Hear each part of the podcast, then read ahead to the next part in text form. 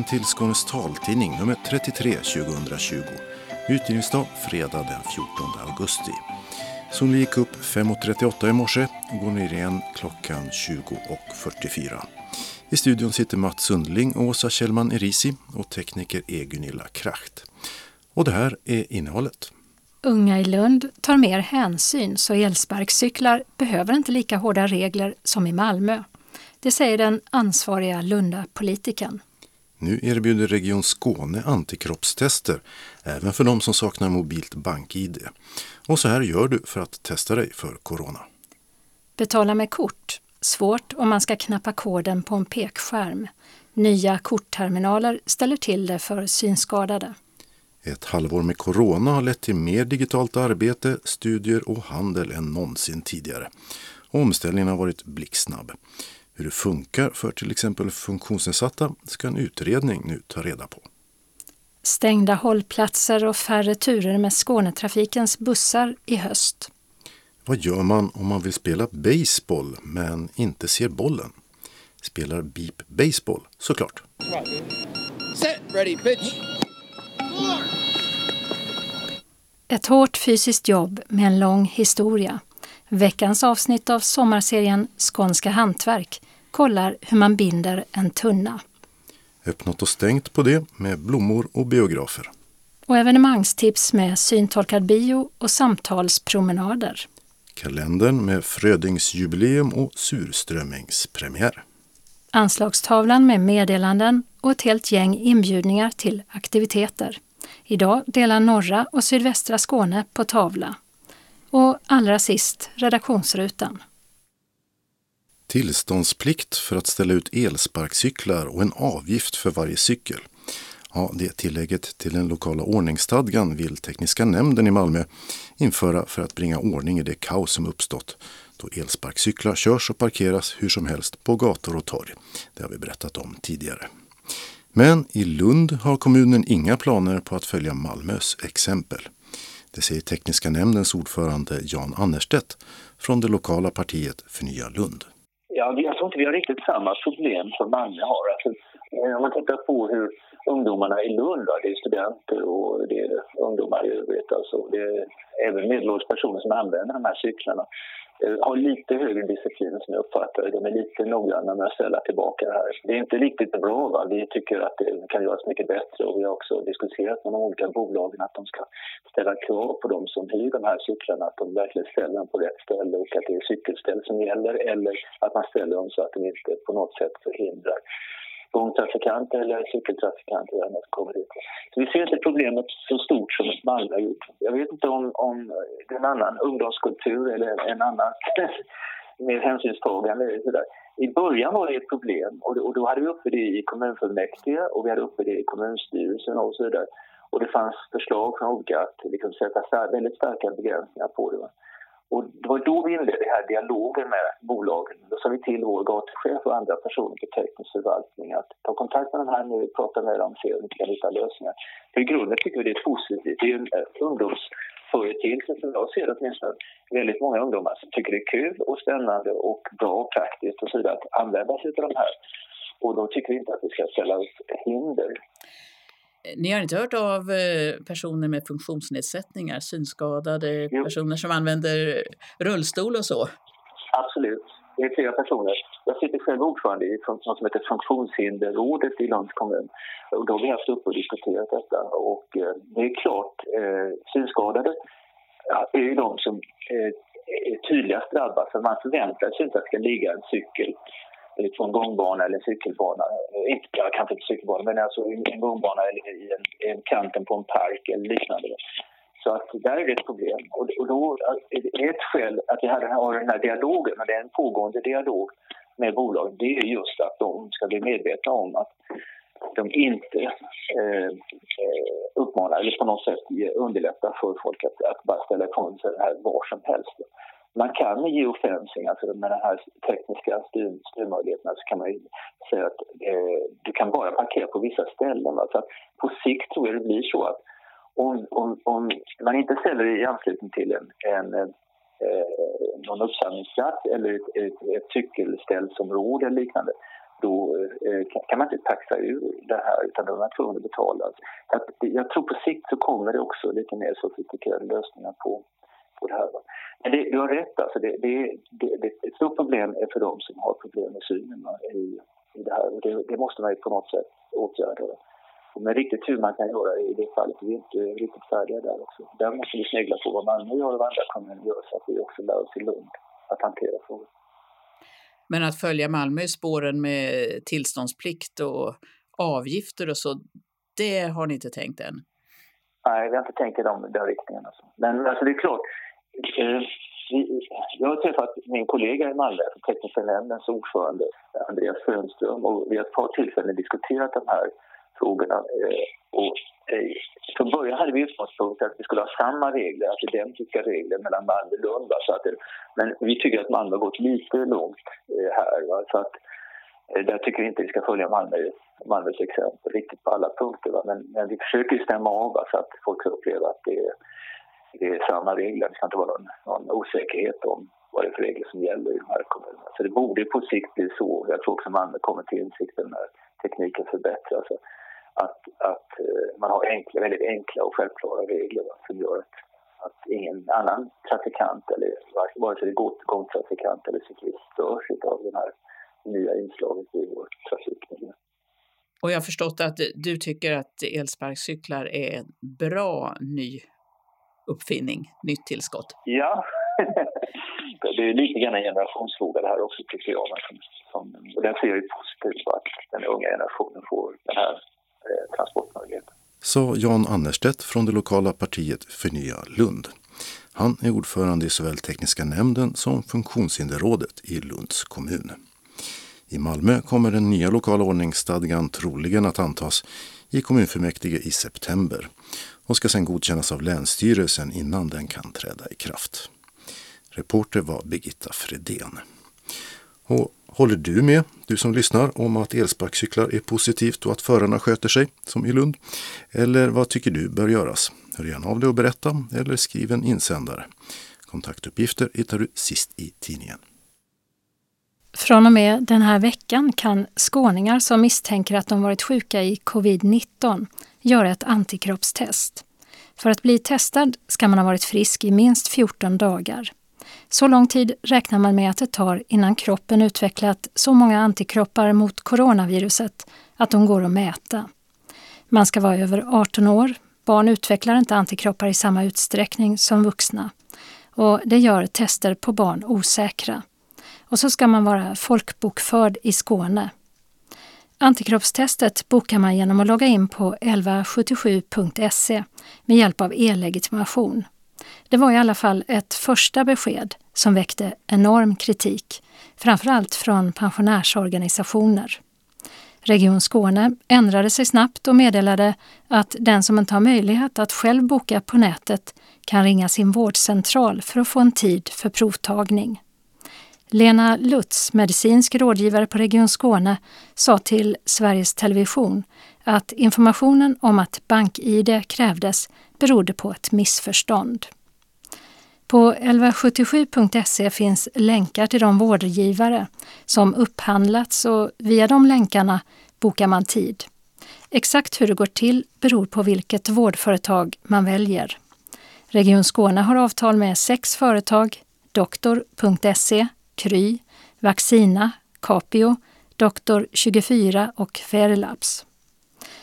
Antikroppstester kan göras på åtta orter i Skåne Malmö, Lund, Helsingborg, Kristianstad, Ystad, Landskrona, Trelleborg och Klippan. Man behöver inte vara listad eller lista sig hos företag man väljer. Och testet kostar 200 kronor och ingår inte i högkostnadsskyddet. Antikroppstestet innebär att ett blodprov tas i armvecket. Man måste alltså kunna ta sig till kliniken. Provet skickas iväg för analys och efter två till fyra dagar får man svar. Om svaret visar att man har antikroppar har man enligt Folkhälsomyndigheten ett helt eller delvis skydd mot att bli sjuk igen i minst sex månader. Man kan umgås med personer ur riskgrupper eller, om man själv tillhör en riskgrupp, umgås med andra. Förutsatt då att ingen har några förkylningssymptom. Men fortfarande gäller att tvätta händerna och hålla avstånd. Om provsvaret visar att man inte har antikroppar, ja, då har man troligen inte haft covid-19 och då gäller som tidigare avstånd, handtvätt och karantän om man får symptom. Man kan också få till svar att provet inte går att bedöma på grund av att något blev fel vid provtagningen. I så fall så kan man beställa ett nytt test gratis. Om man har symptom på covid-19, det vill säga feber, hosta, ont i halsen, snuva, andningsbesvär eller lukt och smakbortfall, då kan man testa sig själv för att få veta om det är covid-19 eller en vanlig förkylning. Det testet beställer man också på 1177.se med e-legitimation eller genom att ringa vårdcentralen. Självtestet skickas till ett apotek och hämtas ut av ett bud. Eftersom man har symptom får man ju inte själv gå ut och riskera att sprida smitta. Testet består av provpinnar som man topsar sig med i näsa och svalg. Ett bud lämnar in det på apoteket där det hämtas samma dag som man testat sig. Och efter en till tre dagar så får man veta om man har coronavirus. Det här testet är gratis.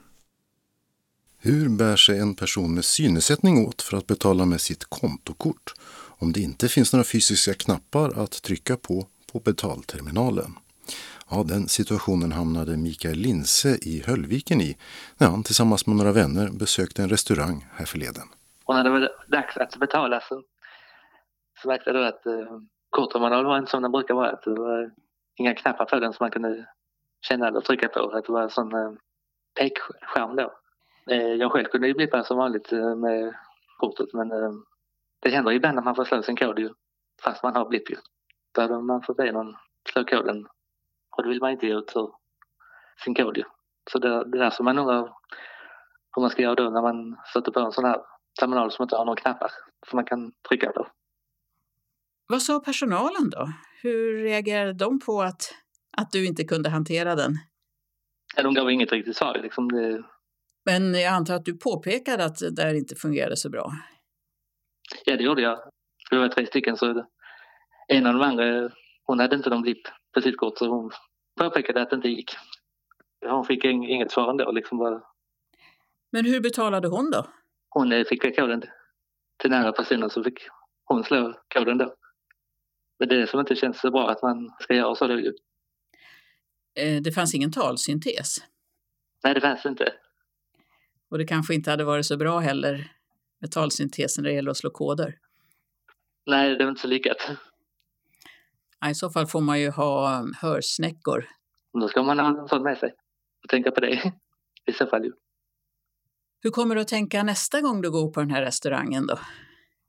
Ja, man får ju fråga om de har någon annan, eh, om de har fler sådana terminaler, om de har kvar någon av de andra som man kunde trycka på då. Ni frågade inte efter det efter någon gammal terminal då när ni, den här kvällen när ni var där? Nej, det gjorde vi inte. Jag, jag tänkte inte på det. Och hon, hon som inte hade någon blipp, hon tänkte nog inte heller på det.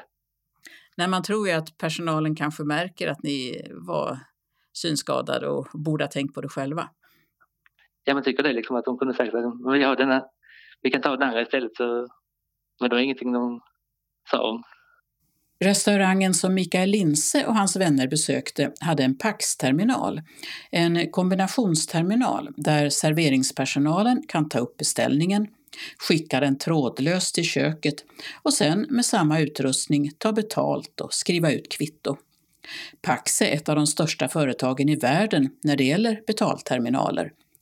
I Sverige säljs de av Interpay där Douglas Öst är VD och affärsutvecklare. Det är teknikutveckling. Om man ska vara lite krass så kan man väl säga så här att om man tar en modern smartphone och så har man tejpat ihop den med en eh, printer och en betalfunktion. Och så har man gjutit in det i ett litet vackert paket och då följer just en sån här skärm med som sitter på smartphones eller iPads eller var de nu sitter. Och där är det ju, det går ju rent teoretiskt att sätta på en liten knopp eh, på en kanske inte på skärmen direkt, men på en sån här skyddsplast som finns på skärmen. Men då kommer ju nästa problem.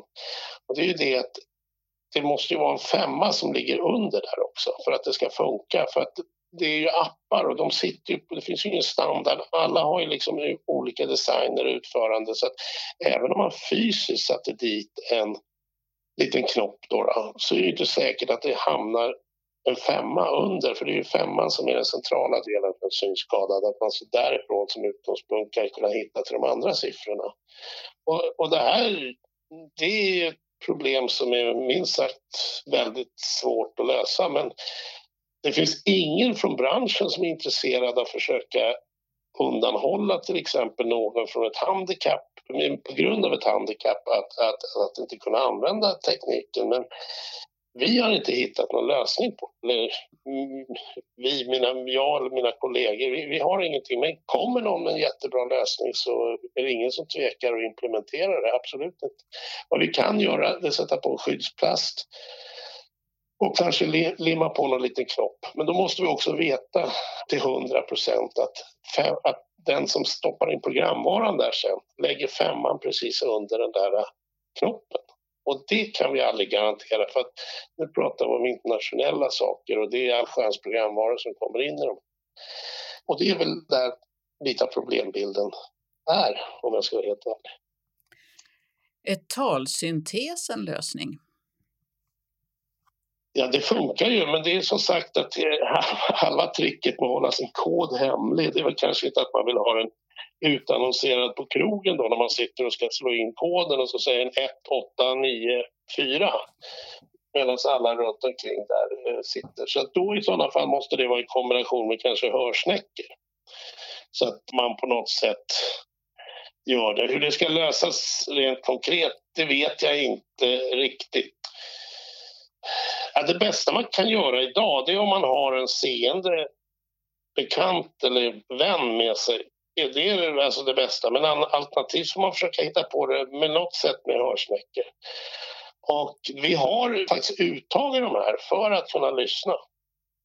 Är det här framtidens kortterminaler på restauranger och så där, eller kommer de här med knappsatser att finnas kvar tror du? Knappsatser kommer absolut finnas kvar de kommer vara i majoritet. Och det har att göra med att man behöver ingen Rolls Royce för att leverera mjölk om man säger på så sätt. Utan de där vanliga funktionsgrejerna, de kommer finnas. Det som däremot med stor sannolikhet kommer hända och dominera mer och mer med tanke på att vi ändrar våra konsumtionsmönster. Det är det att man kanske köper då via appar så gör man att, att man förbetalar och förbeställer produkter som antingen körs hem till dig eller att du går ner och hämtar dem i, i en butik eller ett utlämningsställe. Och då blir webbetalningar, alltså den traditionella webbetalningen, mer och mer dominant. Det tror jag finns en större risk att de kommer nog slå ut fysiska betalterminaler mer än vad eh, just de här Android-terminalerna kommer att göra. Från Synskadades riksförbunds sida bevakar man frågan om kortterminaler med pekskärm. Förra året ordnade SRF ett första seminarium om pekskärmsutvecklingen med bland andra Svensk Handel och olika betalkortsaktörer. Seminariet ska följas upp, men det är väldigt svårt att påverka utvecklingen, säger Henrik Götesson som är intressepolitisk handläggare på SRF. Möjligen kan det komma regler när EUs tillgänglighetsdirektiv införs i Sverige om några år. En utredare tittar just nu på hur det ska kunna bli svensk lag. Tror då leverantörerna av kortterminaler att tillgänglighetsdirektivet skulle kunna påverka utvecklingen? Interpays VD Douglas Öst är också ordförande i branschorganisationen för företag som arbetar med kassa och betallösningar. Kommer det en lagstiftning då är det ju bara att gilla läget. Men eh, ja, jag, jag känner inte till hur jag känner inte till hur, hur, det där tillgäng, hur det ser ut, för jag trodde det mer berörde andra miljöer. Men det är klart, det är, det är den här typ, det här är ju en sån här grej som man mycket väl kan tänka när man tittar på. Då, då. Och, eh, men då konstaterar man väl säkert precis samma sak som oss. Man kan ju inte gärna vad säger, man kan inte lugga en flintskalle, man kan inte lugga oss heller om vi inte kan lösa det. jag menar? Det är så tekniskt omöjligt. Och, och, och, och, vi kan lösa det, vi kan limma på en liten knopp, men vi kan inte garantera att det sitter en femma uppe, till exempel. Men, men självfallet så är vi intresserade av att kunna tillmötesgå det här på något sätt. Om man kommer på en bra lösning. Så det ligger i vårt intresse att så många som, att precis alla som lever och verkar i det här landet och hela Europa för den delen har möjlighet att genomföra betalningar. Annars begränsar vi vår egen marknad. Så det, det, det är ingenting som vi motarbetar i alla fall. Det sa Douglas Öst, VD för Interpay och ordförande i branschorganisationen för kassa och betallösningar. Vi hörde också restaurangbesökaren Mikael Linse i Höllviken. Reporter var Birgitta Fredén. Coronapandemin har som bekant på många sätt inneburit en digital omställning. Många har till exempel börjat arbeta och studera hemifrån, samtidigt som näthandeln går bättre än någonsin. Å andra sidan har det ökat isoleringen, inte minst för de som befinner sig i karantän och inte har en dator eller mobil. Nu vill regeringen veta hur pandemin påverkat både på gott och ont och utreda vad som kan funka bättre. Jörgen Ahlström är projektledare för uppdraget på Post och telestyrelsen, PTS.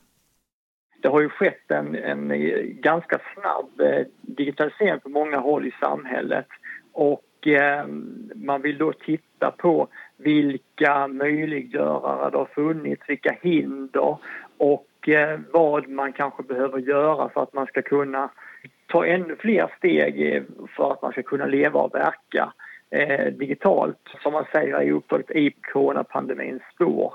I uppdraget som vi har fått så är det ett antal sektorer som man pekar på där det har skett en, en ganska stor omställning. Och det är ju då eh, utbildningsväsendet naturligtvis, eh, vård och omsorg och man pekar också på kultursektorn då i uppdraget.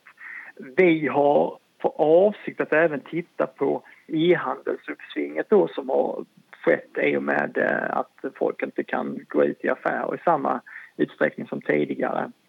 Eh, man pratar också om ett antal perspektiv som man ska titta på och det är då distansarbete som man anger som ett perspektiv, digital delaktighet och tillgänglighet och eh, digital kommunikation generellt.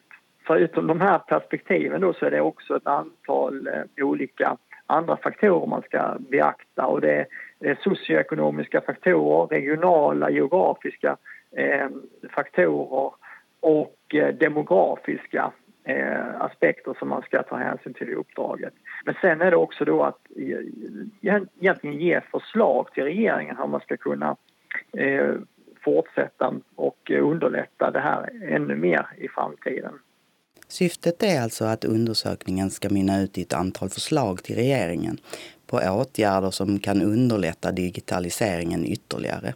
Eftersom PTS fick uppdraget i början på juni är det långt kvar till den avslutande analysfasen.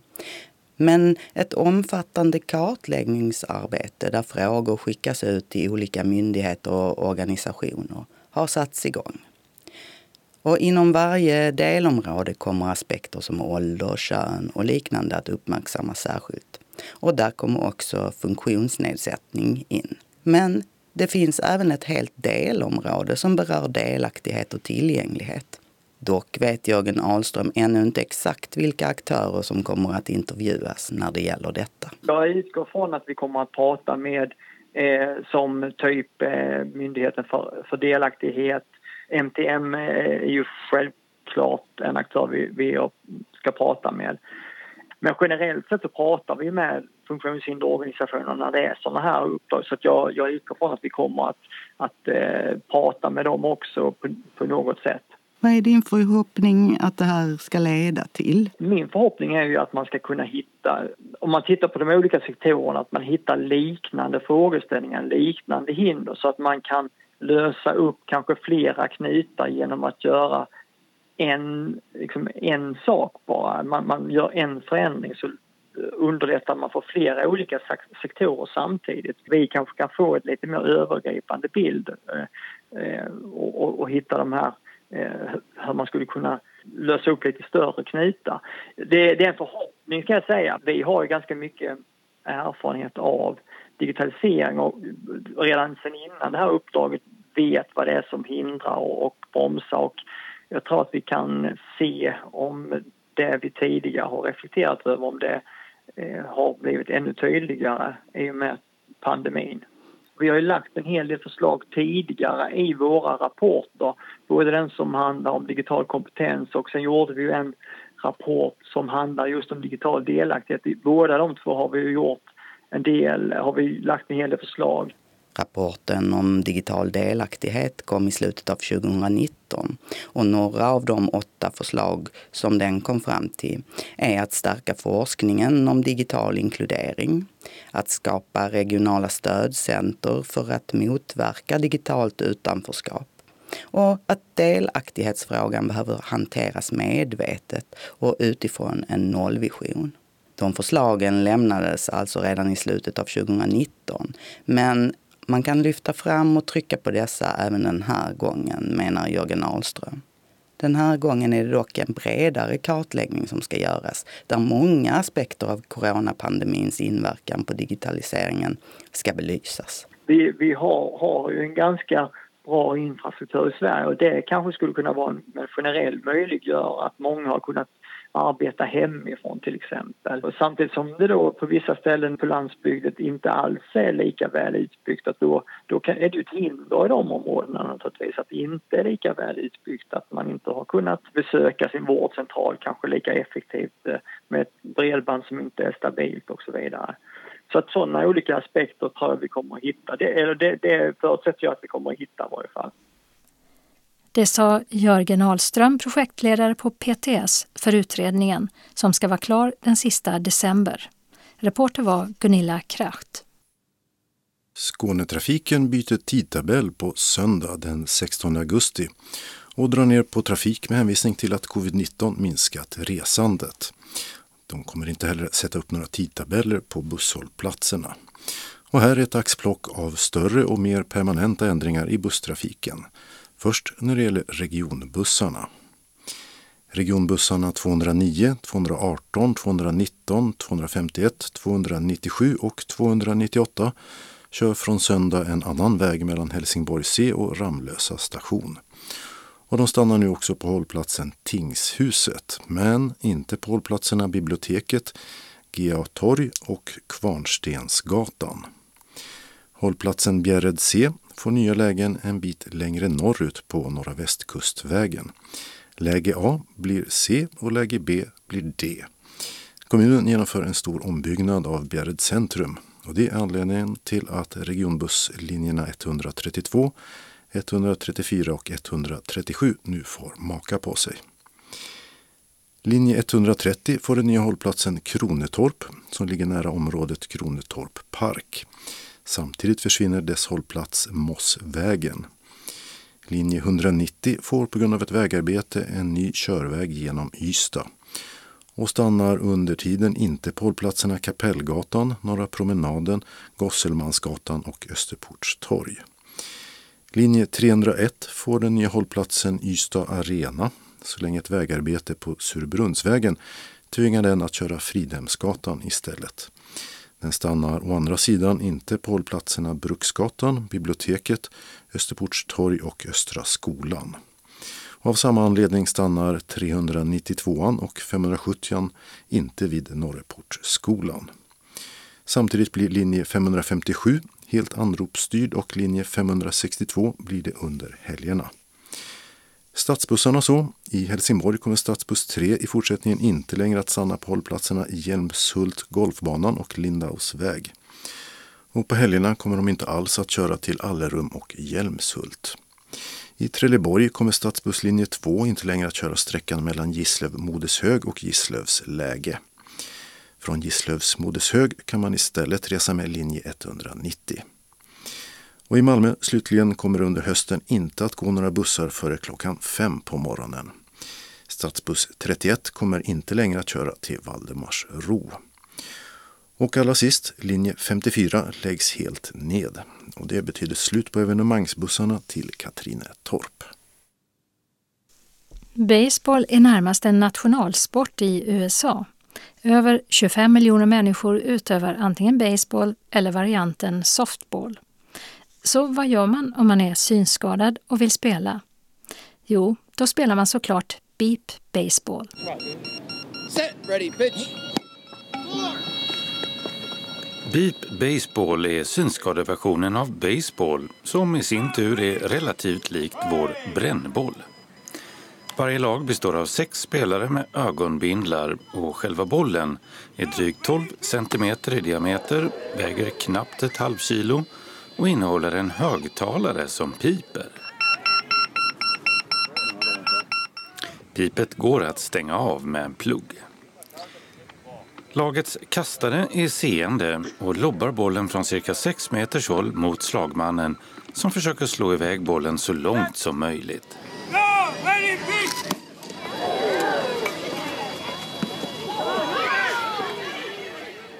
Och en så kallad spotter som också är seende ropar mot vilken yta bollen är på väg. Planen är indelad i olika numrerade zoner. Så om spotten ropar fem så vet alla att bollen är på väg långt ut mot vänster till exempel.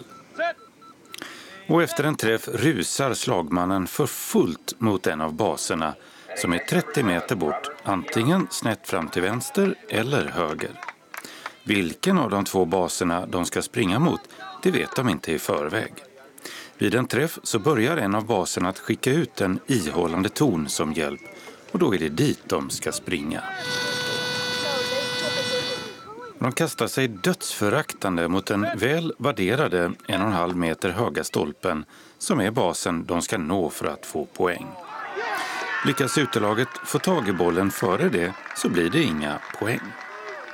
Och just det här med att få springa i full fart utan betänkligheter är en av sportens tjusningar, säger Alfonso Harrell, spelare i New Jersey Titans till Youtube-kanalen Cut4.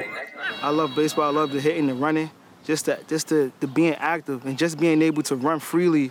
Where if though I couldn't do that in my everyday life, just being able to run and know that I, I'm fine. Jag älskar baseball. Jag gillar att träffa bollen och springa. Att få röra på mig och springa fritt. Det kan jag inte göra i min vardag. Att få springa och veta att det kommer att gå bra.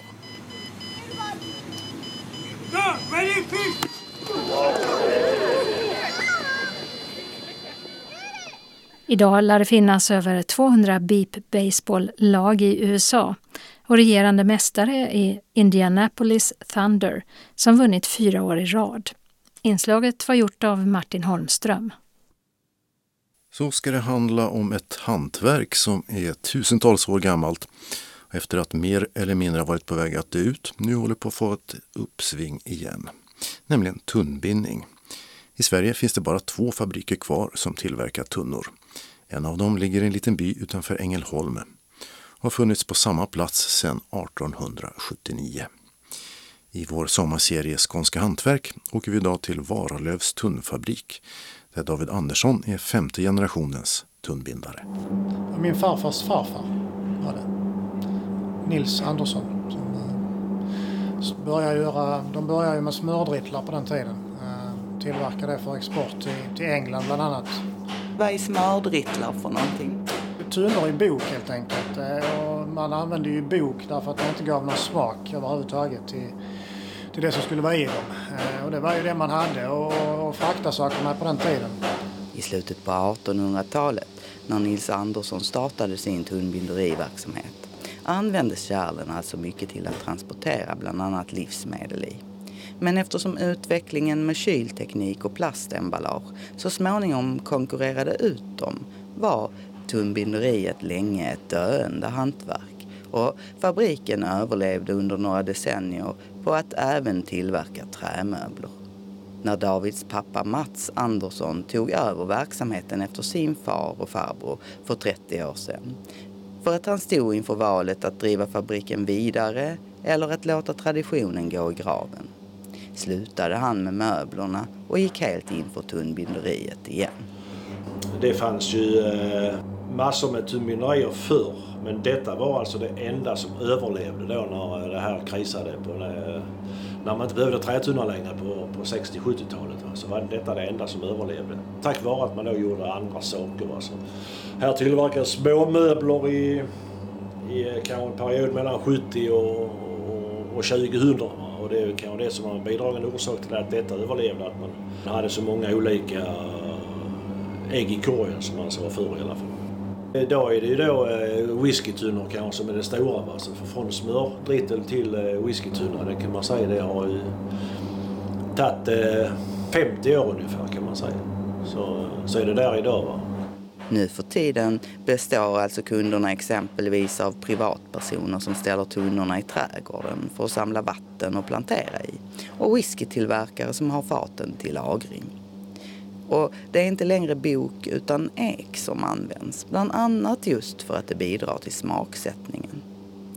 Efter att i många år ha verkat i en utrotningshotad bransch märker tunnbindarna i den lilla röda fabrikslängan i Varalöv nu av en växande efterfrågan.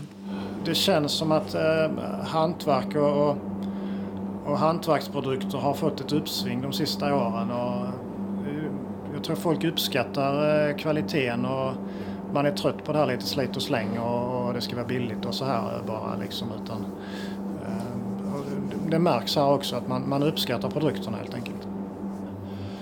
Många har ju förlorat pengar på coronan men vi, det är nog tvärtom för oss. Alltså, vi, har, vi har inte förlorat några pengar på coronan. Alltså, så vi har förr fått mer alltså, i och med att eh, folk har varit hemma och pengarna har hamnat i trädgården istället för på Kanarieöarna. Alltså. Hur många tunnor gör ni då?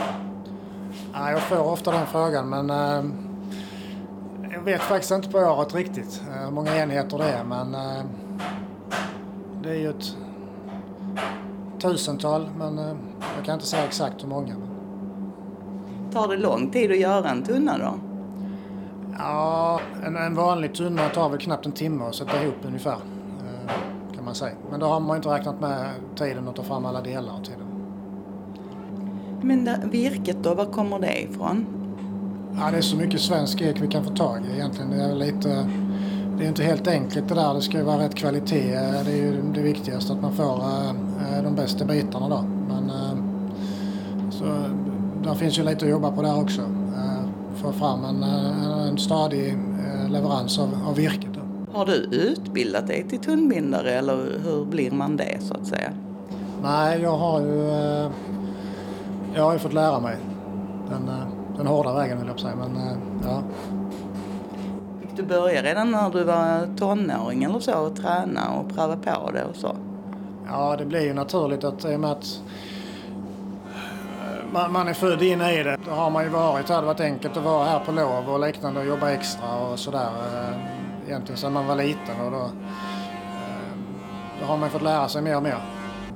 Men om man tänker på själva tillverkningen av tunnan, eh, vad är det som skiljer hur ni här gör en tunna idag mot hur det traditionellt gjordes då när fabriken startades på 1800-talet?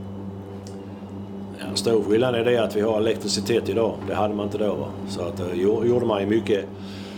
Det mesta var ju för hand då även om man hade eh, kanske motorer som drev men hade ingen el. Och, nej, skillnaden är ju att eh, man, eh, vi, delarna tillverkas ju maskinellt va? men monteringen är ju är samma idag som eh, det var för 140 år sedan. Det är manuellt hela vägen. Så själva hantverket är egentligen likadant? Ja, det kan man säga. Det är det. Det roliga tycker jag är att det är en väldig blandning mellan ny och gammal teknik. Här finns ju maskiner som är, Eh, är helt nya och, och eh, väldigt moderna och sen så har vi maskiner som är väldigt, väldigt, väldigt gamla och verktyg som är väldigt, väldigt gamla och eh, just den kombinationen är jätterolig att man har både ny teknik som jag själv är intresserad av och även, även det hantverksmässiga då. Den blandningen är ju fantastisk egentligen. Ska vi gå ut så du kan visa mig rent konkret hur det går till? Eh, detta är ju själva eh, monteringsavdelningen kan man säga. Eh, där alla färdiga stavar hamnar här och blir ju monterade på detta stället då. Ja, själva tunnbinderiavdelningen helt enkelt. Och då står det ja, ungefär 20 tunnor här runt omkring i en stor verkstadshall.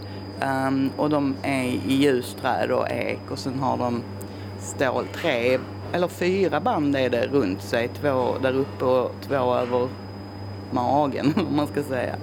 Ehm, kallas det mage på en tunna? Ja, vi säger ju mage här, gör vi. Ehm, de här har fyra band, de kommer ha sex band när de är klara sen. Ehm, de ska putsas först och sen så lägger man på de färdiga banden till slut. Så det blir sex band på den modellen. Där. Det är ju banden och botten där som, som gör eh, tunnan kan man säga då. Eh, och det är ju banden som håller ihop alltihop och de drivs ju så hårt. Va? Och, eh, därför är det också viktigt att man har eh, att varje stav är, är eh, rätt tillverkad så att man får en tät, en tät tunna när den är klar. Det doftar behagligt av trä och av linolja som tunnorna behandlas med sen i den lilla fabriken som i stort sett sett likadan ut sedan starten. Och förutom ekvirket är band av galvaniserat stål det enda som används till själva tunneln. Vi börjar med att vi får in eh, plank, ekplankor. Eh, sen så klyver vi upp det här i, i, i eh, en klyv till rätt dimensioner. Sen staplas det på pall, åker ut igen där ute för att stå utomhus så länge som möjligt egentligen. Sen efter det så är det ju, då tar man in det och då hyvlar man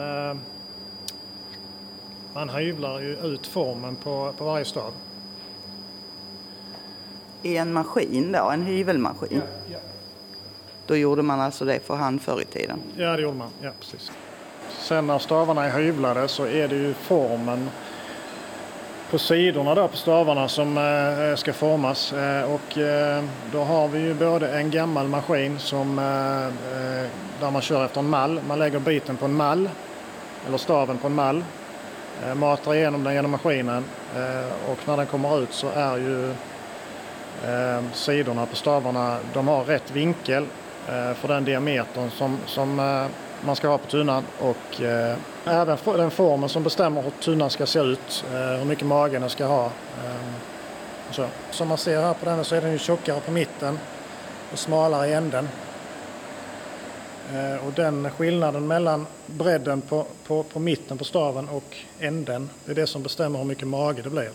Så har man väldigt bred eh, bit på mitten och väldigt smal i änden så får den väldigt mycket mage tunnan. Det här med, för jag ser här att det är några tunnor här som är raka och som mer är liksom mm. vinklade eller vidare uppåt. Vad är det för skillnad på en sån som är liksom avsmalnad med mage än mot en som har en öppen, rakare, vidare form? Ja, skillnaden är ju att eh, de, som är, de karen som vi kallar dem som är koniska, de värms ju inte utan de eh, monteras ju ihop eh, direkt egentligen som, som de är bara. Så att en tunna är alltid lite rundad och har mage och, och ett kar är de andra? Ja, vi säger kar här. Jag vet inte om det är något skånskt eller om det är om man använder det. Eh, men eh, ja. Mm. Men om man gör en tunna då så när man har gjort de här två stegen som du har beskrivit nu, vad händer sen? Ja, då är det ju montering helt enkelt. Man reser stavarna i, ett resband och sen värmer man dem, eh, böjer ihop dem så man får rätt form på dem. Eh, sen ska de svalna, när de har svalnat så driver man banden eh, vilket betyder att man bankar ner de här banden då, mot den, den bredare änden på tunnan. Och, sen ska de svalna och sen är det dags att lägga i botten. Enligt David Andersson har en tunna en livslängd på cirka 20 år om den sköts på rätt sätt. Det vill säga förvaras frostfritt på vintern och oljas in en gång om året. Priset för en som rymmer 30 liter är cirka 2000 kronor. Medan en som rymmer 240 liter kostar det dubbla. Ja, den vanligaste storleken, eller de två vanligaste storlekarna är ju... Eh, den ena är på 120 liter och den andra är på 240 liter. Och den, är, den mindre av dem är 72 cm hög och 55 i diameter på magen. Och, ehm, det är nog det vi säljer mest av tror jag.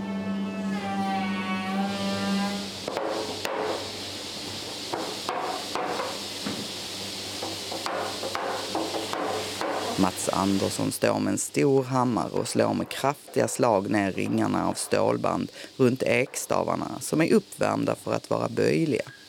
Det kallas att driva och i processen pressas stavarna tätt, tätt mot varandra och tunnan får sin rundade form. Det ser enkelt ut, men bullret är öronbedövande och jag anar att det är ett väldigt tungt arbete. Ja, det är det. det är ett skitigt jobb också. Nej men det är tungt alltså. Det är, men det är, det är liksom det, är det, man, det, är det man är van vid. Va? Men, uh, där är ju de som har varit här och jobbat som har jobbat på många andra ställen som sa att detta var det värsta stället de har varit på. Alltså, det, var det, det var det hårdaste stället. Va? Alltså, det var inga pauser och sånt utan det jobbas hela tiden. Va? Och, eh, nej men det, det, det, det är tufft. Va? Men, eh, ingen av de som har jobbat här vad jag kan minnas, alltså far och farbror och eh, farfar och hans bror, alltså var, har varit utslitna på det utan de har ju... Alla har ju blivit åtminstone 85 år gamla så att det är ju positivt. Vi har ju ökat väldigt mycket de, ja, de fem, sena, fem, sex senaste åren har det ju omsättningen ökat. Va? Personalen har fördubblats. Va? det är i och för sig från två till fyra va? men det är ju ändå, det är ändå 100 procent. Det är positivt. Ja. Vad är det bästa med att vara tunnbindare då? Ja, det är ju att jobba med, jobba med trä och liksom skapa den här formen och den här tunnan som från, från början där, från plank till, till en färdig tunna. Den känslan när man är klar med den och, och, och sen, ja. Vad tycker du? Nej men det är, det är en viss frihet ändå. Va? Det är rätt så omväxlande. Det här sommartid händer här ju saker hela tiden. Och sen, eh, jag kan, har jag, David har väl större ambitioner än vad, vad jag har just nu i alla fall. Va? Så, där, men så, då blir det en gas och en broms. Tunnbinderiet är ju det är ju flera tusen år gammalt. Va? Så det fanns ju tusentals tunnbindare i Stockholm då bara för hundra år sedan. Det, nu är det lite mindre men eh, lite färre. Men eh, Nej, nej, det kommer alltid finnas. Det sa Mats Andersson på Varalövs tunnfabrik. En av två tunntillverkare som finns kvar i Sverige. Reporter där var Gunilla Kracht.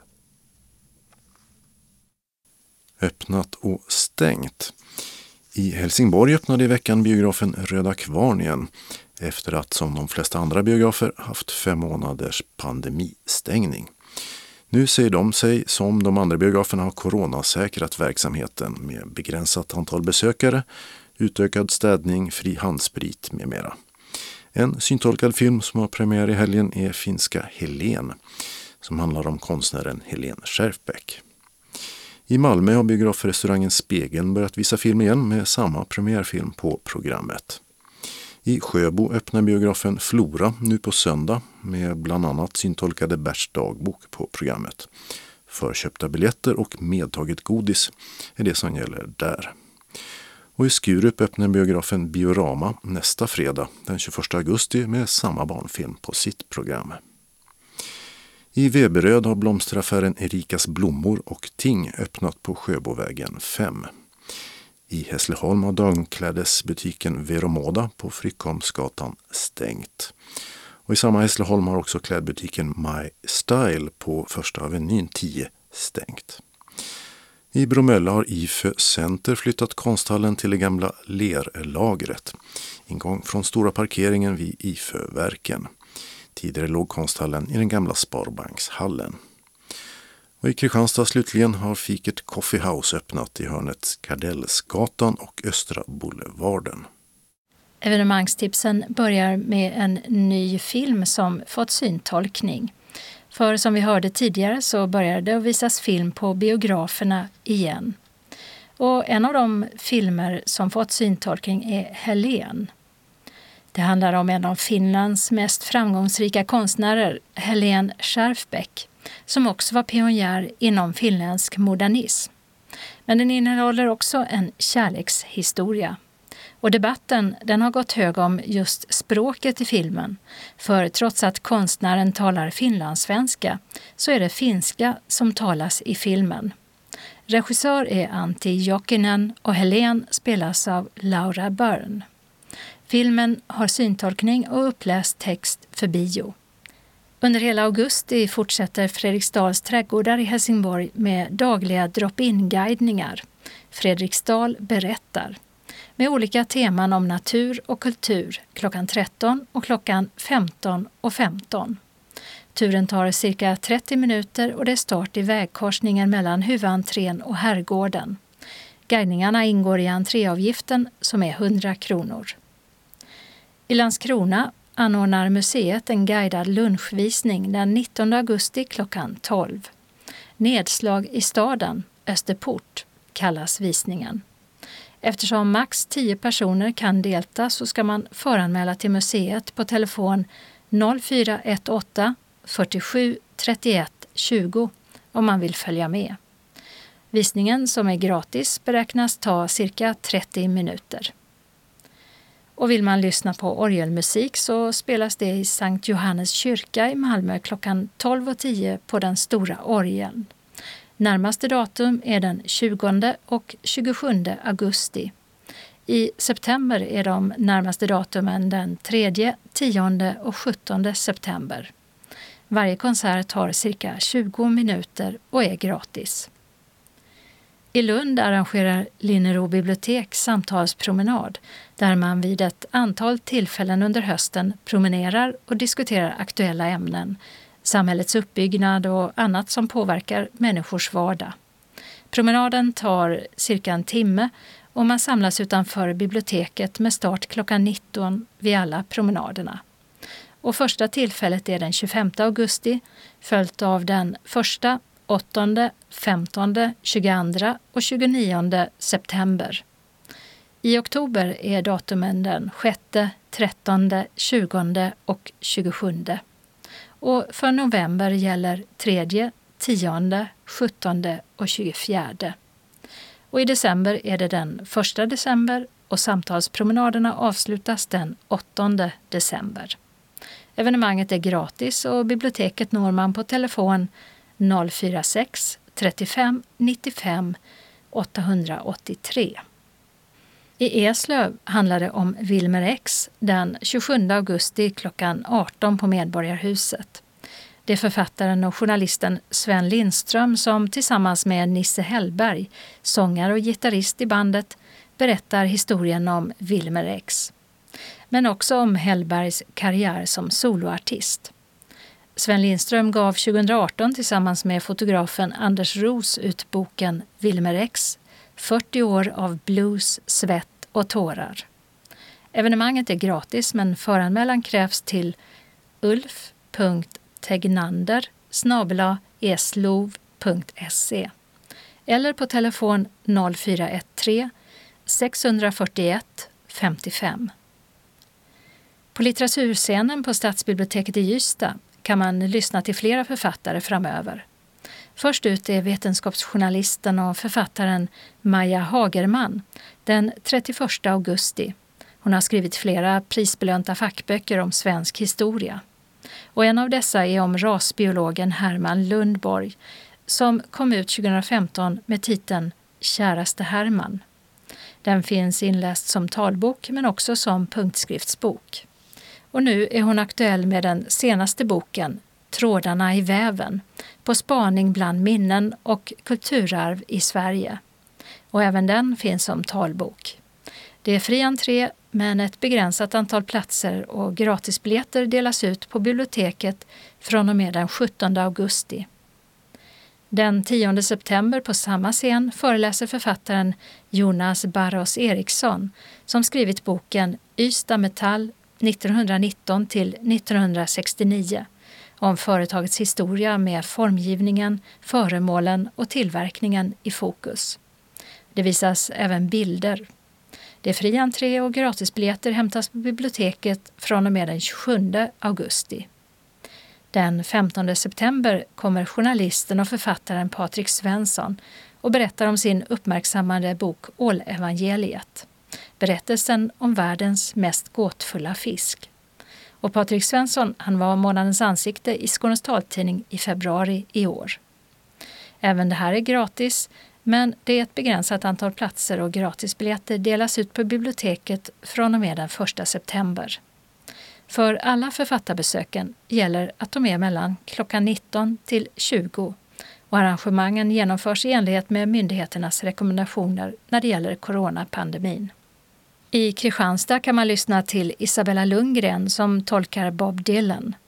Out of the Bell Jar den 3 september klockan 20 i Lilla salen på Kulturkvarteret. Biljetterna kostar 300 kronor och köps av Kulturkvarteret.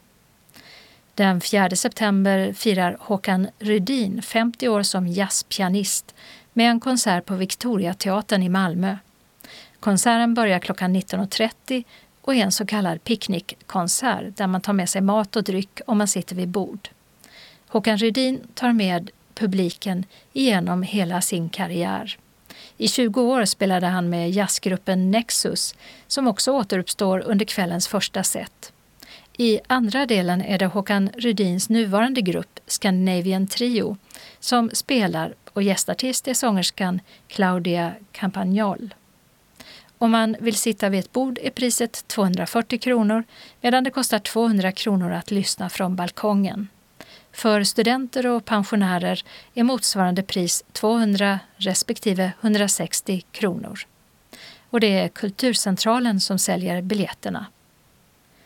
En gång i månaden i höst anordnar Öja FF loppis i Johans lada som ligger vid Öja FFs idrottsplats Björkvallen vid väg 19 utanför Ystad. Datumen som gäller är den 5 september, 3 oktober, 7 november och 5 december. Och tiden är klockan 10 till 12 på förmiddagen vid alla tillfällen. På loppisen säljs böcker, kläder, skor, väskor, leksaker med mera. Om man vill ha mer information kan man få det på telefon 0411 55 20 03. På Ystad Teatercafé är det musikcafé. Piaf och jag med Karin Grönberg den 8 september klockan 19. Föreställningen där publiken får följa med på en resa och uppleva några av de viktigaste händelserna i Piafs liv är skriven och framförs av Karin Grönberg. Biljetterna som kostar 190 kronor bokas hos Eventim. Längtar man efter att höra välkända melodier på dragspel så finns det två chanser den 25 oktober på Medborgarhuset i Ystad. Det är dragspelaren Stefan Persson som framträder med föreställningen Publiken, dragspelet och jag. Och publiken kan också önska sig melodier i en bok som finns framlagd vid entrén. Första spelningen är klockan 13 till 14.20 och det andra tillfället samma dag klockan 16 till 17.20. Entréavgiften är 120 kronor och biljetter kan bokas på telefon 0735 29 60 24 eller via mejl dragspelskonsert live.se och sen betalas på plats kontant eller med Swish. Biljetter som inte hämtats ut kommer att vara till salu 10 minuter innan konsertstart. Biljettinformation. Kulturkvarteret i Kristianstad 0709 20 58 04 Kulturcentralen 040 10 30 20 Eventim 0771 65 10 00 Ystad stadsbibliotek 0411 57 72 90 Kalendern börjar med måndagen den 17 augusti då höstterminen startar för många elever i grundskolan och gymnasiet, till exempel i Landskrona, Helsingborg och Malmö. Men i en del skånska kommuner väntar man till tisdagen då det är skolstart för eleverna i bland annat Lund och Ystad. Men för de som går i skolan i Kävlinge och Kristianstad blir det ytterligare en ledig dag. Där börjar höstterminen först på onsdagen. Och gymnasieeleverna har inte varit i skolan på länge. Den 17 mars kom Folkhälsomyndighetens rekommendation om att undervisningen skulle bedrivas på distans på grund av coronapandemin. Det är 75 år sedan som nationalistledaren Ahmed Sukarno utropade Indonesien som självständigt. Men de allierade valde att överlämna landet till Nederländerna och strider bröt ut mellan brittiska och holländska styrkor på ena sidan och indonesiska nationalister på den andra. Först 1949 blev det genom FN-förhandlingar fred och i december samma år blev Indonesien självständigt och Sukarno president. För 60 år sedan föddes den amerikanske skådespelaren och regissören Sean Penn. Han har bland annat fått en Oscar för bästa manliga huvudroll i Mystic River och Milk. men också regisserat många filmer, däribland Into the Wild. Tio år senare, 1970, föddes sångerskan Sofia Källgren som medverkat i Melodifestivalen flera gånger och även tilldelats Guldmasken för sin roll i musikalen Miss Saigon 1998. Även den sexfaldigt individuella världsmästaren i speedway, Tony Rickardsson, fyller 50 år denna dag. Klubbar som Rickardsson kört för är bland annat Masarna och Valsarna. Och 1999 var det han som fick ta emot Svenska Dagbladets guldmedalj, eller Bragdguldet som det ofta kallas. Och Werner och Walter har namnsdag. Tisdagen den 18 augusti är det Ellen och Lena som firar namnsdag. Första omgången av kvalet till Champions League i fotboll för herrar spelas och Djurgården möter det ungerska laget Ferencvaros på bortaplan. Onsdagen den 19 augusti har Magnus och Måns namnsdag. Det är den internationella dagen för humanitärt arbete och i Norge hissar man flaggan för kronprinsessan Mette-Marit som fyller 47 år. Torsdagen den 20 augusti är det interpellationsdebatter i riksdagen som direktsänds via riksdagens webb-tv från klockan 12. Ministrarna svarar på frågor från riksdagsledamöterna om allt från tjänstemannastatusen för blåljuspersonal till coronakrisens effekter på yrkesfisket och taxiföretag som blir utan krishjälp. Även hur Arbetsförmedlingen ska arbeta efter coronapandemin tas upp. Och här är det arbetsmarknadsminister Eva Nordmark som besvarar en fråga från vänsterpartisten Ali Esbati. Det är också rallycrosspremiär för en VM-deltävling i Höljes i Värmland som pågår till den 23 augusti. Och för dem som gillar en starkt luktande eller kanske stinkande fisk är det högtidsdag eftersom det är surströmmingspremiär. Traditionen med en viss dag för premiären är starkt rotad i augusti, liksom för kräftorna, även om det inte längre finns några exakta regler för när man får börja sälja den jästa fisken. Och den starka lukten den bildas av syror som propansyra, ättiksyra och smörsyra liksom svavelväte som uppstår under jäsningsprocessen. Och det är även första Majors-tävlingen i golf för damer sedan avbrottet. Tävlingen i British Open är i Tron som ligger i Skottland. Bernard och Bernt har namnsdag. Fredagen den 21 augusti heter namnsdagsbarnen Jon och Jonna. Det är slutspel i Champions League-fotboll damer i Bilbao och San Sebastian. För 210 år sedan, alltså 1810, utsågs den franske marskalken Jean-Baptiste Bernadotte till svensk kronprins.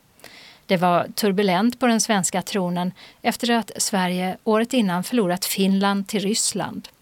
Gustav IV Adolf hade också fört Sverige i krig mot Napoleon och freden slöts i januari 1810.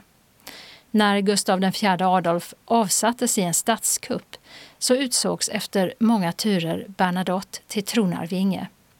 Man ville hålla sig väl med Frankrike och Napoleon och många officerare ville också så snabbt som möjligt ta tillbaka Finland och då var en tänkbar lösning att alliera sig med det starka Frankrike.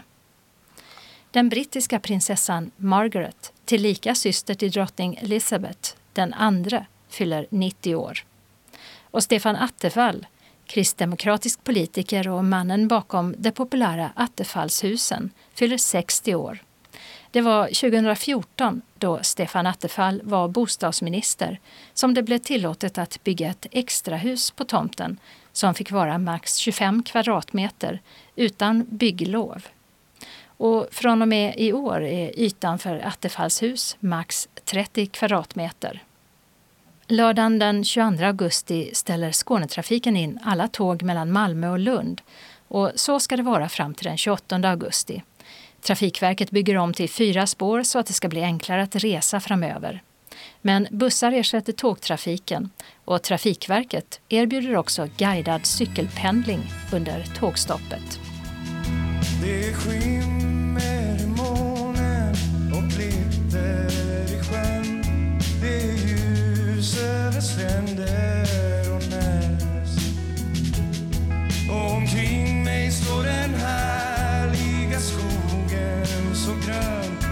Bakom ängarnas gungande gräl.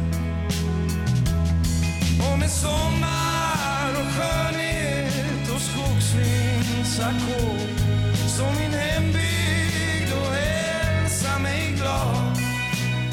För 160 år sedan föddes poeten, journalisten och författaren Gustav Fröding. Här tolkar gruppen Mando Diao hans dikt Strövtåg i hembygden. Och Frödings hembygd var Alsters herrgård i Alstersbruk i Värmland där han föddes.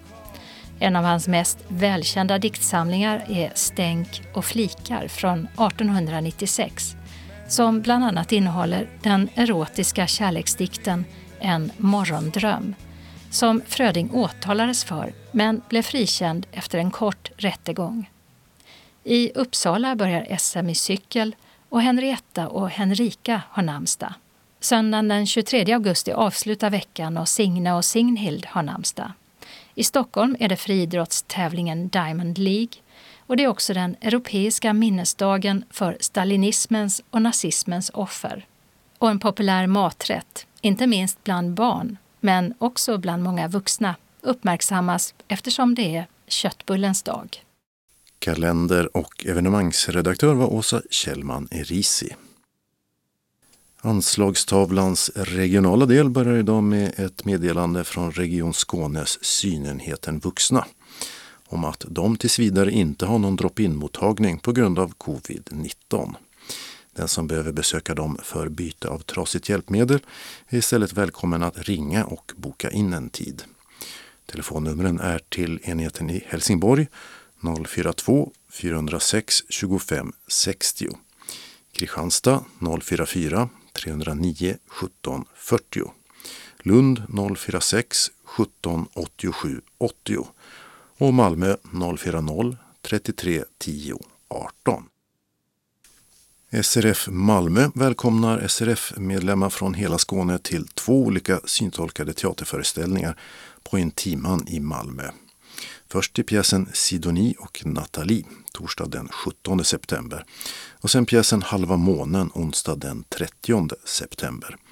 Samling vid bägge tillfällena klockan 18.15 på Intimans nya egna adress Östra Rönneholmsvägen 22 i Malmö. Och föreställningarna börjar klockan 19. Pris 190 kronor per vuxen och tillfälle. Betalning sker med inbetalningskort som skickas hem och biljetterna delas ut på plats.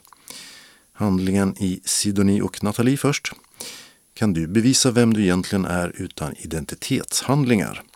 Om du måste börja om på nytt, vem blir du då? Vad hände med den du var innan? I mars 1944 kommer Sidoni och Nathalie till Skåne efter att ha flytt genom ett krigshärjat Europa. Deras kläder bränns upp i en tunna och efter ett hett bad får de nya rena kläder, arbete på en herrgård utan förhör och döps om till Siv och Nanna. Hur överlever de vardagen i ett nytt land med ett nytt svårt språk och nya identiteter? Sidoni och Nathalie är en dramatisering av Sigrid Kombyschens Augustprisnominerade roman om två kvinnors flykt under andra världskriget. Och så handlingen i Halva månen. Tänk om vi kunde stanna tiden eller få tiden upplöst. När vi är kära och förälskade kan det kännas som att tiden just står stilla. Det är bara nuet som betyder något. Den tyske dramatikern Roland Schimmelfennig har skrivit och regisserat pjäsen direkt för Intiman. Han är en av vår tids viktigaste samtidsdramatiker. Och hans berättaruniversum består av stora samhälleliga frågor, humor och poetisk skönhet. Vi har förbokat ett antal biljetter. Resesättning utgår från SRF Skåne för resor utanför Malmö när kvittot har sänts in inom tre månader. Du anmäler dig till SRF Malmös kansli på telefon 040-25 05 40 eller till e-postadressen info srfmalmo.se senast onsdag den 26 augusti. Berätta då om du behöver lur och eller ledsagning. Och skulle du ha frågor innan föreställningen så kan du ringa Maj-Britt Ryman på telefon 070-324 6609. Hjärtligt välkomna hälsar styrelsen. SRF Skåne bjuder in till en guidad konstutställning i Vannås skulpturpark. Onsdag den 26 augusti klockan 11.30 till klockan 16. Kostnaden är 200 kronor per person och platsen är alltså Vannås slott och ingången utanför konsthallarna. Snart bär det av till Vannås som ligger i Knislinge utanför Kristianstad. Med tanke på rådande corona så tänker vi oss en utomhusaktivitet där vi kan hålla avstånd och att de som känner sig lite krassliga stannar hemma. Alla som behöver kan ta med sig en egen ledsagare och vi begränsar antalet deltagare till 20 personer. Vi kommer gå runt i en historisk vacker park och skogsmiljö. Vi får en privat guidad tur runt de för oss mest sevärda konstverken. Många av konstnärerna som ställt ut på Vannås har lagt till ljudeffekter för att förstärka konstverket. I den permanenta samlingen finns ett 70-tal platsspecifika konstverk av bland andra Ann Hamilton, Jenny Holzer, Yoko Ono och Ann-Sofie Sidén. Programmet för dagen 11.30 blir det ankomst och vegetarisk sopplunch med bröd och kaffe som serveras i parken. Mellan klockan 13 och 14.30 blir det guidad tur i Skulpturparken. Klockan 15 eftermiddagsfika och för de som vill ett besök i souvenirbutiken. Och klockan 16 åker vi hem. Anmälan sker till SRF Skåne på telefon 040-777 75 eller e-post till srfskane srfskane.se. Tisdag den 18 augusti är sista anmälningsdagen innan klockan 12. Uppge om du behöver specialkost, ledsagare eller annan hjälp. Du kan betala in din anmälningsavgift till Bankgiro 484 0984 eller med Swish på nummer 123 312 62 99. Vill du ha en inbetalningsavi så säg till när du anmäler dig. Bekräftelse och deltagarförteckning skickas ut efter sista anmälningsdagen. SRF Skåne står för era reskostnader efter kvitton inkommit senast tre månader efteråt. Varmt välkomna hälsar arbetsgruppen för kultur och fritid. Vi har ett referat. Jag har ringt runt till alla våra medlemmar i SRF Norra Skåne. Fick tyvärr inte tag i alla på grund av att hemnumret inte fanns kvar och att jag inte har hittat något mobilnummer. Till er som vill men inte fått något telefonsamtal vore det bra om ni kontaktade mig, Anna-Lena, på telefon 0451 231 01 eller 070 36 00 647. Att det bara jag som ringt i styrelsen beror på att jag ville det och att styrelsen tyckte det var bra. Jag har ju mist en ledarhund jag fick i februari, så det här har även betytt väldigt mycket för mig. Nu till det positiva. Det har varit mycket uppskattat att jag ringt. Flertalet har sagt vad roligt och varmt tack för att du ringt mig. Många har inte haft någon kontakt med omgivningen förutom hemtjänsten. Dessa medlemmar har jag ringt upp igen. Några har gråtit av glädje över att jag ringt dem fler än en gång. Det känns så fint och jag känner mig verkligen behövd. Jag tror att det är viktigt att vi kanske tar oss tid minst en gång per år och ringer runt våra medlemmar och till de som man känner har mer behov av kontakt. Att man hör av sig fler gånger. Detta samtal är för mig så litet men för en medlem kan det betyda så väldigt mycket och i coronatider betyder det ännu mer. Jag har också fått reda på att våra medlemmar känner stor osäkerhet när hemtjänsten bara rusar in och varken tvättar händer eller har skydd på sig. Med vänliga hälsningar Anna-Lena Pekkile, ordförande för SRF Norra Skåne. Anslagstavlan har vi idag delat upp eftersom det var för många meddelanden för att de skulle få plats på en gemensam skiva.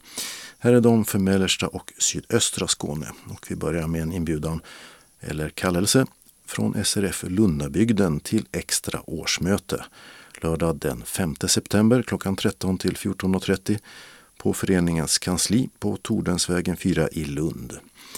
Det är dags att avsluta året 2019 och det gör vi på det extra årsmötet med de styrelseval samt ersättare till SRF Skånes representantskapsmöten som inte blev klara vid ordinarie årsmötet den 23 mars.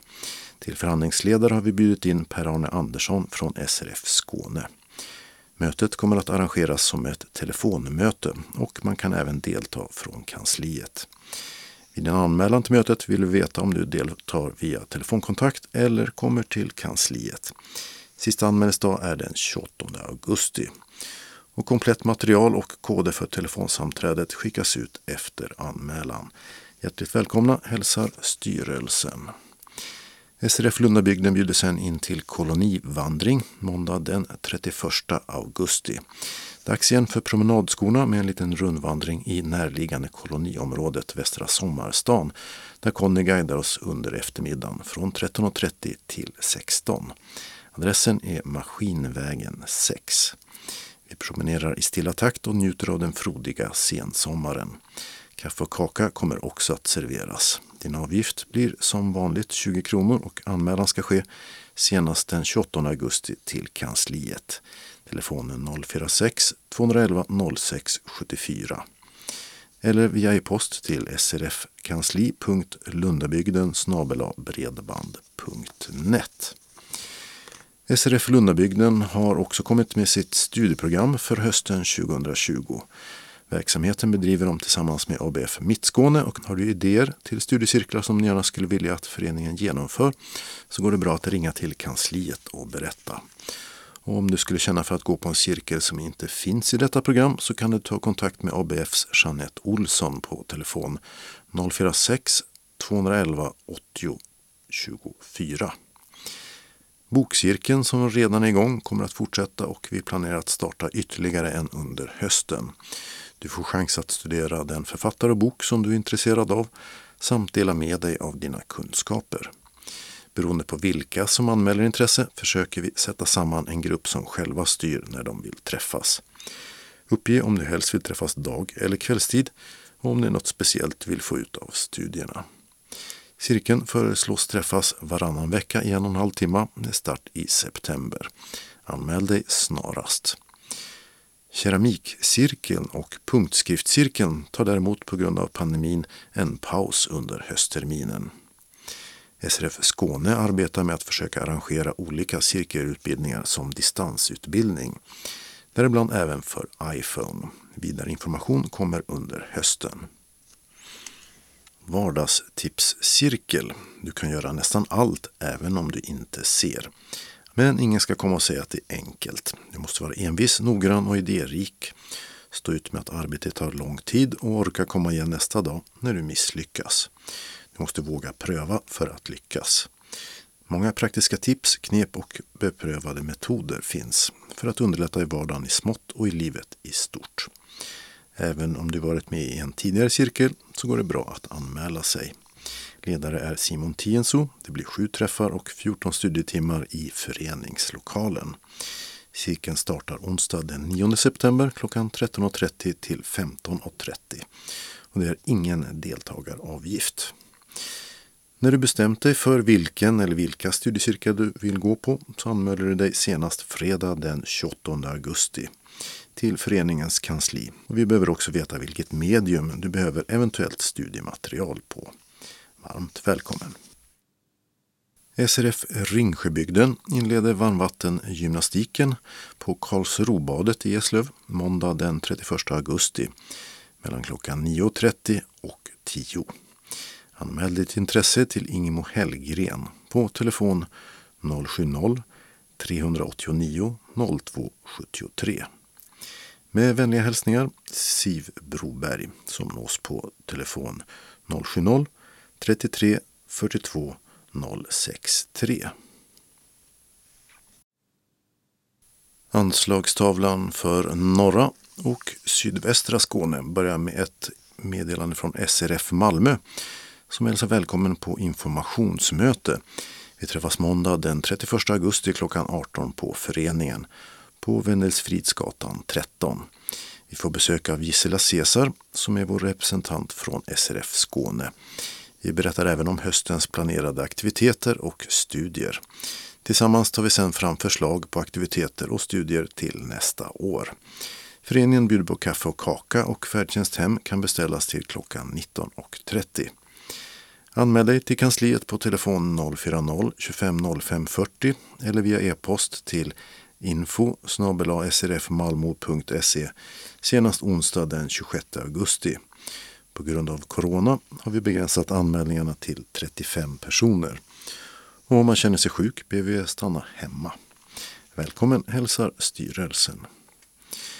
SRF Malmö Svedala bjuder sen in till sitt studieprogram för hösten. Kurserna börjar vecka 36. Onsdag förmiddagar klockan 9.30 till 12 kommer handla om historiska byggnader. En kurs med Jeanette Rosengren där vi vandrar tillsammans på utvalda ställen i centrala Malmö. Samtidigt som vi lär oss mer om stans historia. Vid ett tillfälle rör vi oss runt Gustav Adolfs torg och Södergatan. Vid ett annat tillfälle blir det Stortorget och ett tredje blir till exempel Gamla Väster. Första träffen samlas vi i föreningens lokal på Wendelsfridsgatan 13.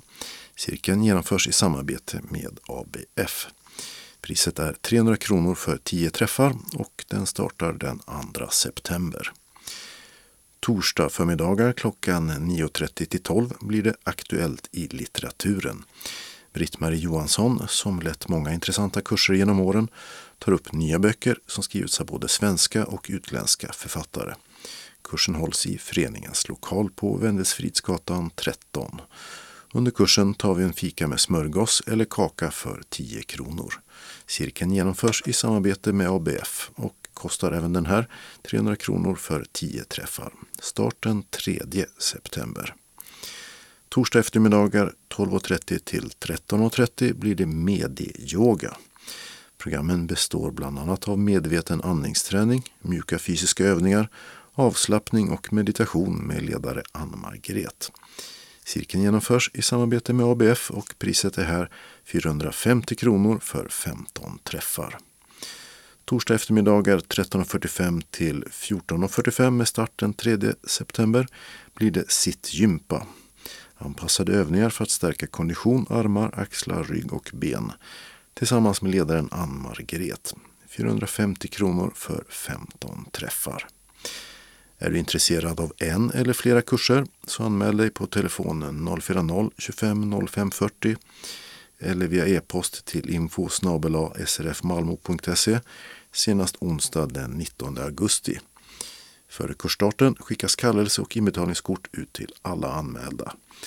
Varmt välkommen till en givande och trevlig kursgemenskap, hälsar styrelsen. Så avslutar vi med en inbjudan från SRF Västra Skåne. Vi ska se en syntolkad föreställning av musikalen Äppelkriget på Stadsteatern fredag den 20 november klockan 13 till 15.30 på Helsingborgs stadsteater på Storan på Karl Johansgata 1 i Helsingborg. Priset är 180 kronor och sista anmälningsdag fredag den 14 augusti till kansliet 042 15 83 93 eller e-post till info.srf.hbg telia.com. När PR-mannen Sten Wall vill exploatera den skånska idyllen Änglamark och gräva upp familjen Lindbergs äppelodling väcks bybornas vrede. När Äppelkriget gick upp på bio 1971 blev det en publiksuccé. Nu kommer den för första gången på en teaterscen i formen av en varm och humoristisk musikal. Med stor ensemble, orkester och flera av Evert Taubes välkända sånger blir Äppelkriget en härlig historia i sann Hasse och Tage-anda. Men det är också en föreställning med tänkvärda undertoner i klimatångestens tid. Skynda dig att anmäla ditt intresse. Vi har 25 platser. Välkomna! Och med den inbjudan var det slut på veckans Skånes taltidning. Nästa nummer nästa fredag den 21 augusti. Skånes taltidning ges ut av Region Skånes psykiatri och habiliteringsförvaltning. Ansvarig utgivare är Martin Holmström. Postadress Jörgen Ankersgatan 12, 211 45 Malmö. Telefon 040-673 0970. E-post Skanes taltidning snabel skane.se och hemsida skanestaltidning.se. Observera att CD-skivorna inte ska skickas tillbaka till oss. Såväl skivor som kuvert kan läggas i brännbara sopor när ni inte längre vill ha dem. Vi hörs igen. Hej då!